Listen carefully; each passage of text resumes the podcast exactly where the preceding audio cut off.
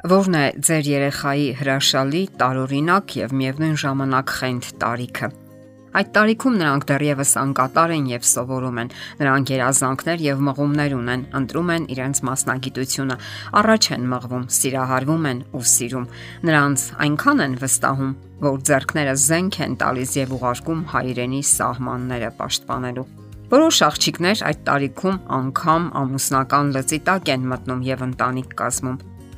Լավ է դա թե վատ, դա այլ թեմա է, սակայն փաստն այն է, որ ոմանք այդ տարիքում արդեն երեխա են դասյարակում եւ ընտանեկան բարդ փոխհարաբերություններ են կառուցում։ Տարօրինակ, հակասական, միևնույն ժամանակ խենթ տարիք, թեև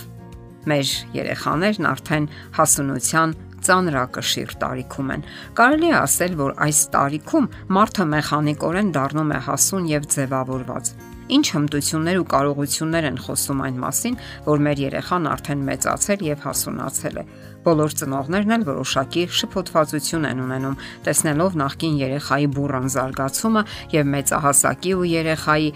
իրար ձուլված դեռևս անմշակ հոգեբանության ինքնահաստատումներն ու զտումները մեծահասակների աշխարհ մուտք գործելու առաջին անհամարցակ փորձերն ու քայլերը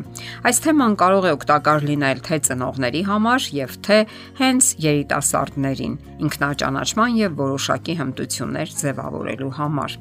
այս թեմայի շուրջ իր հետաքրքիր եւ յուրատեսակ մտեցումներն ու խորհուրդներն է առաջարկում իրավաբան եւ գրող Ջուլիա Լիտկոտ Հեյմսը, ով 10 տարի աշխատել է Սթենֆորդի համալսարանում որպես առաջին կուրսեցիների դեկան։ Նա միաժամանակ երկու պատանիների մայր է եւ ահա նա հավաստիացնում է, որ 18 տարեկանում մարդը պետք է ունենա որոշակի հմտություններ, որոնք իսկապես անհրաժեշտ են նրա կյանքում։ Ինչ հմտությունների մասին է խոսքը։ Առաջինը 18 տարեկան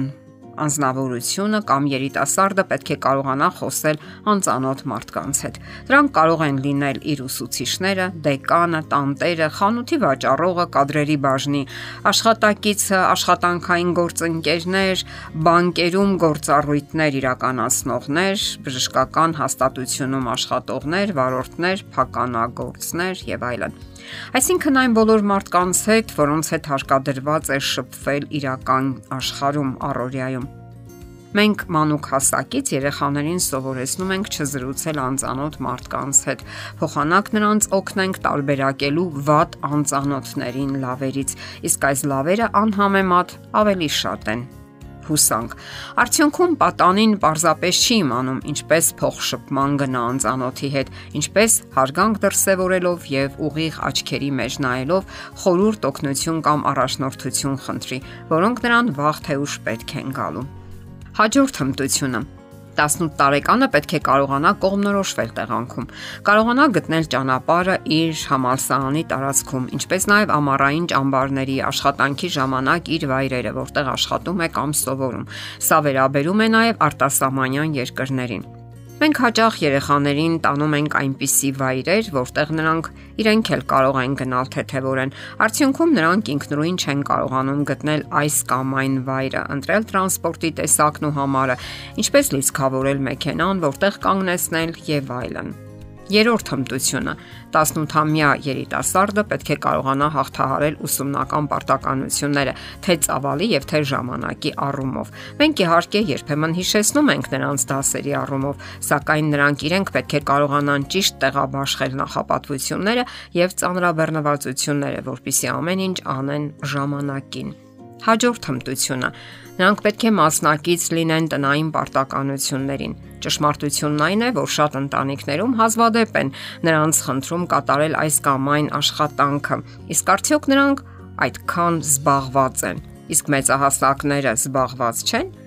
Եվ արդյունքում նրանք չեն կարողանում հոգալ իրենց տարական պահանջները կամ ինչ որ օգտակար բան անել նրանց համար, որոնց հետ ապրում են համատեղ կյանքով։ Հաջորդ հմտությունը. նրանք պետք է կարողանան լուծել այլ մարդկանց հետ հարաբերություններում առաջացած հիմնախնդիրները Կենսական շատ բարդ իրավիճակներում մենք միջամտում ենք, երբ կարիք կա ցրելու թյուրիմացությունները, կարգավորելու վիճահարույց հարցերը հանգստացնելու, լսելու, կարեկցելու, վերականգնելու արդարությունը։ Արդյունքում երեխաները չգիտեն ինչպես լուծել տարաձայնությունները, հարթել մեղավորությունը, ելք գտնել վիճելի իրավիճակներում առանց մեր միջամտության։ 18 տարեկան երիտասարդը պետք է կարողանա համահունչ արձագանքել իր հաջողություններին եւ պարտություններին, պատրաստ լինի մրցակցության ուսուցիչների կարծր վարվելակերպին եւ աշխատանքային ղեկավարների ծանր բնավորությանը։ Մենք իհարկե երբեմն օգնում ենք երիտասարդներին այս կամ այն հարցերը լուծելիս, սակայն նա պետք է իմանա, որ դրան երջանիկ բացառություններ են, ոչ ավելին։ 18 տարեկան հասակում պետք է նրանք կարողանան գումար վաստակել եւ ճիշտ տեղաբաշխել այդ գումարները։ Իսկ եթե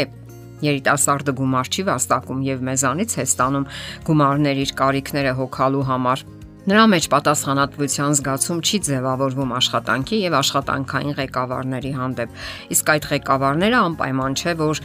համակրեն նրան եւ ներողամտություն հանդես բերեն։ Նրանք, ովքեր ապրում են միայն ծնողների հաշվին, ված գիտեն իրերի գինը եւ ընդունակ չեն գնահատելու ծնողների ջանքերը։ Եվ այսպես մեր զավակները մեծանում են։ Այդ պատասխանատու պահերին նրանք պետք է հասկանան, որ դուք իրենց թիկունքն եք ապահովում, այլ ոչ թե անում եք իրենց փոխարեն։ Եվ ամենակարևորը՝ սիրեք նրանց այդ դեռևս ոչ այնքան հասուն համարյա պատանիներին։ Սիրեցեք առանց շահախնդրության։ Նրանք ձեր սիրելի մարդիկ են։ Գնահատեք նրանց եւ ընդունեք հենց այդպիսին որովհետև նրանք հենց այդպիսին են, այլ ոչ մեր ցանկությունների արտացոլանքը։ Եթերում է ընտանիք հաղորդաշարը։ Հարցերի եւ առաջարկությունների համար զանգահարել 033 87 87 87 հեռախոսահամարով։